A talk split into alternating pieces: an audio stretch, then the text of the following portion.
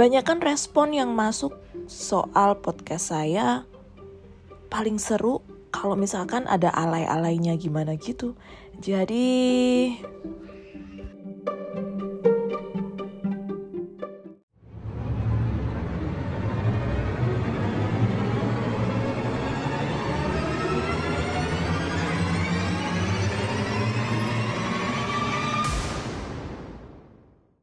Perang penerbitan.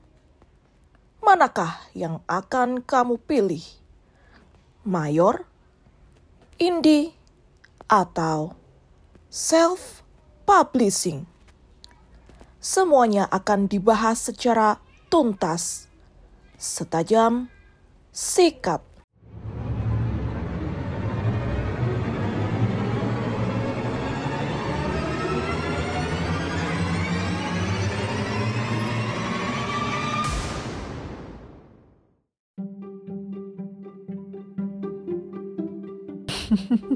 Annoying banget gak sih? Udah abaikan aja. Hai, hai, hai, hai. Kali ini saya bakal membahas tentang apa itu penerbitan mayor, indie, dan self-publishing. Ide kali ini tuh nggak di request sama seseorang, tapi muncul lantaran beberapa waktu yang lalu salah satu grup kepenulisan yang saya ikutin ramai banget ngebahas soal fenomena ini. Apalagi kayaknya belakangan semakin marak orang yang pingin banget jadi penulis dan banyak banget orang yang mendirikan penerbitan untuk memfasilitasi banyaknya para penulis ini. So, here we go.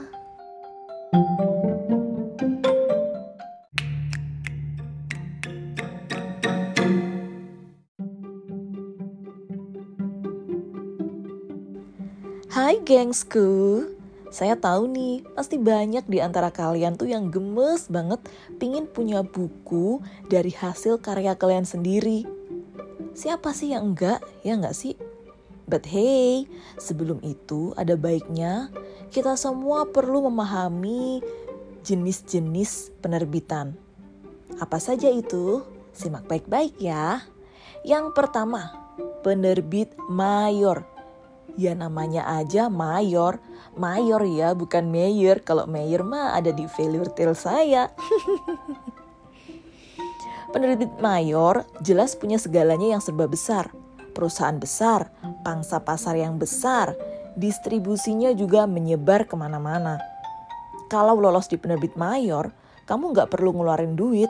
Bahkan kamu bakal atau ada beberapa penerbit yang ngasih DP atau uang muka kamu tinggal duduk manis, ngerjain arahan editor harus ngapain-ngapain, lalu nunggu dengan tabah dan sabar sampai naskahmu berbentuk buku. Kenapa saya bilang tabah dan sabar? Yang ngantri dan mengajukan buat tembus penerbit mayor tuh gak cuma kamu aja. Ratusan bahkan mungkin ribuan orang jadi buat lolos penerbit mayor gak cukup punya kemampuan menulis yang bagus, tapi juga kesabaran dan ketabahan untuk menunggu antrian terbit guys. Editing, proofreading, cover, layout, ISBN, sampai naskah berbentuk buku jadi, itu jadi tanggung jawab penerbit. Itu enaknya kalau di penerbit mayor. Bahkan, mereka tuh punya tim sendiri buat memasarkan buku, dan mempromosikannya. Enak banget gak sih? Buku kamu juga bakal dipasarkan dan distribusikan sama mereka baik secara offline maupun online. Gak cukup di situ. Sekarang kan zamannya digital tuh. Penerbit besar biasanya juga menerbitkannya dalam versi digital. Jadi, naskah kamu bisa diakses baik dalam bentuk fisik maupun digital.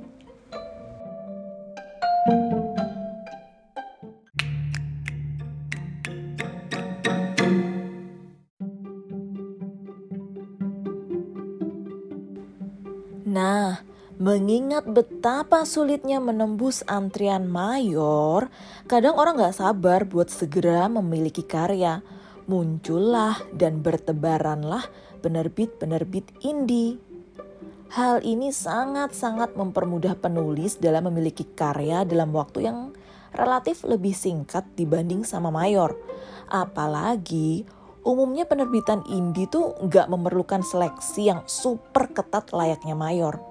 Selama konten kamu aman, terbebas dari sara, biasanya cincai lah bisa. Nah, penerbit indie tuh biasanya punya dua skema. Terbit gratis atau berbayar. Paket ini bisa dipilih penulis atau ditawarkan sama penerbit. Kalau berbayar, jelas kamu bisa masuk tanpa seleksi. Jumlah bayarannya tergantung sama paket yang kamu pilih dari penerbit. Biasanya berbayar ini tuh masih dibagi-bagi lagi. Paket-paketnya ada macam-macam, ada yang pakai jasa editing doang, layout editing, layout editing cover dan lain-lain macam-macam tergantung sama penerbit indie masing-masing. Kalau terbit gratis juga bisa. Umumnya sih penerbit yang menawarkan kepada penulis yang mereka nilai potensial naskahnya. Biasanya penerbit membidik mereka dari penulis platform atau penulis-penulis yang memang udah punya nama dan potensial untuk diajakin kerjasama. Kadang mereka juga mengadakan seleksi naskah secara terbuka. Jadi kamu sering-sering aja mantengin sosmed mereka. Hari gini apa sih yang nggak disosmedin, ya nggak sih? Nah, setelah tanda tangan kontrak, buku akan diproses untuk menjadi buku cetak ada yang memfasilitasi dengan tayang digital, ada juga yang enggak. Umumnya, buku yang diterbitkan di penerbit indie dijual melalui toko buku online, website penerbit, atau dari sosmed penerbit indie tersebut. Ada juga yang melakukan penjualan hanya dengan sistem PO atau purchase order maupun POD alias print on demand. Jadi, pencetakannya dilakukan atau dihitung sesuai dengan berapa banyak jumlah order buku yang masuk ke mereka. Meski bisa jadi solusi kamu yang pengen banget nerbitin buku, nggak berarti jadi bisa cap cip cup aja asal kuncup. Terus kamu langsung aja pilih gitu. Gak bisa kayak gitu guys. Sebelum menentukan dengan penerbit mana yang akan kamu ajak kerjasama, alangkah baiknya kamu tuh mencari tahu track record penerbit ini. Cari tahu siapa saja yang pernah bekerja sama sama mereka, gimana hasilnya, terus gali lebih dalam lagi. Kayak apa sih seluk-beluk kerjasama sama mereka. Hal ini bisa kamu tanyakan ke penerbitnya langsung, tetapi sangat-sangat saya anjurkan buat nanya testimoninya dari orang-orang yang pernah bekerja sama sama mereka. Selain itu, ketika menandatangani kontrak, kalian tuh harus baca baik-baik every single detail di dalamnya. Sekali lagi, every single detail di dalamnya tuh benar-benar harus kalian baca. Kadang tuh orang udah males duluan gitu kalau mau baca uh, kontrak karena kadang kan bahasanya agak susah dimengerti ya. Tapi namanya kalian mau jadi penulis, masa nggak mau baca sih? Ini tuh karya kalian guys. Jadi kalian harus benar-benar hati-hati baca baik-baik perjanjiannya kayak apa. Jangan ada hal-hal yang bikin kalian nggak tahu atau kalau nggak tahu tanyain. Jangan sampai hal-hal yang nggak tahu itu cuma ada dalam penjelasan via telepon atau WhatsApp. Kalau emang nggak jelas, kalian minta tambahkan pasal di dalam perjanjian tersebut. Ingat baik-baik ya, jadi penulis jangan pernah males baca, apalagi kontrak itu terkait sama karya kalian.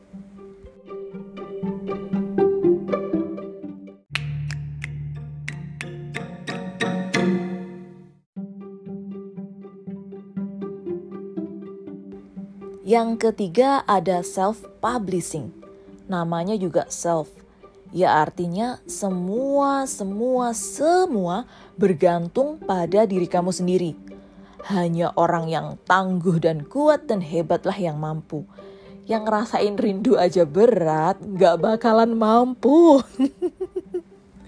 Secara ya, semua-semuanya benar-benar kamu harus kerjain sendiri atau nyari jasanya sendiri. Misalnya editing nih, kamu bisa aja ngerjain sendiri dengan resiko kalau ngedit sendiri tuh suka sayang-sayang mana yang mau dipangkas dan mana yang enggak, suka lupa-lupa mana ejaannya yang bener, kadang suka skip typo-typo gitu kan. Nah, kalau nggak mau berat-berat begini, kamu bisa nyari jasa editor yang nyari kamu sendiri lagi. Atau kamu harus cari sendiri orang yang jago bikin cover atau layout. Sekali lagi, bisa aja dua-duanya kamu lakuin sendiri. Cuma kalau nggak mau ya kamu harus mencari sendiri jasa layouter atau desainer untuk bikinin cover. Termasuk nih mau di mana kamu nyetaknya dan juga termasuk lagi yang paling penting tuh adalah modalnya modal dari self publishing adalah diri kamu sendiri. Mungkin juga support orang tua kamu kali. Setelah jadi buku, gak kelar di situ perjuangan kamu. Kamu masih harus berjuang memasarkan buku kamu sendiri. Kok berat banget ya? Gak mampu nih kayaknya. Hmm, mampu kalau kamu mengingat bahwa semua keuntungan yang dihasilkan akan menjadi the one and only you. Jadi, enaknya dari self publishing itu kalau kamu mau meraup untung segede-gedenya, semua bakal jatuh ke tangan kamu. Distribusinya ditanggung sama orang yang membeli buku kamu. Karena kan mereka harus ngebayarin ongkos kirimnya. Kamu nggak perlu distribusi ke sana kemari. Cuman ya itu, kamu harus jago banget dalam promosi.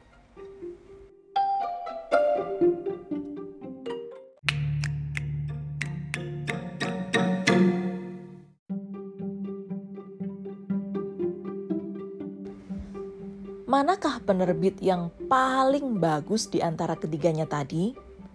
Masing-masing penerbit tuh punya kelebihannya masing-masing. Memilih penerbit itu kayak milih jodoh. Lagi-lagi harus dibucinin biar gampang paham, ya gak sih? baik buat saya, belum tentu baik buat kamu. Begitu juga sebaliknya. Jadi, yang harus dipikirkan baik-baik adalah Poin apa sih yang terpenting bagi kamu ketika kamu memutuskan untuk mencetak buku kamu? Apakah itu keuntungan dan kepuasan atas usaha sendiri seutuhnya?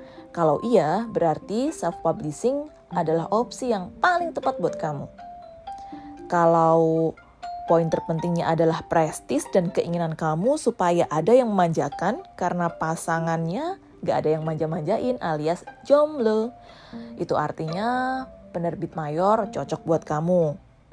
Atau jalan tengah di antara keduanya, di mana kamu gak perlu ngantri kepanjangan terbit tapi tetap ada yang manjain.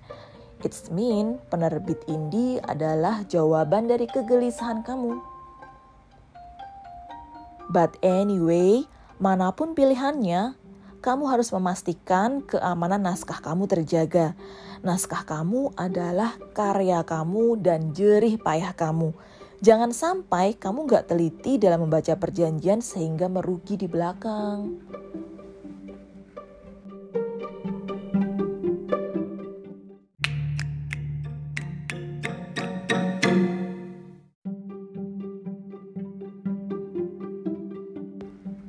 This is the end of this episode.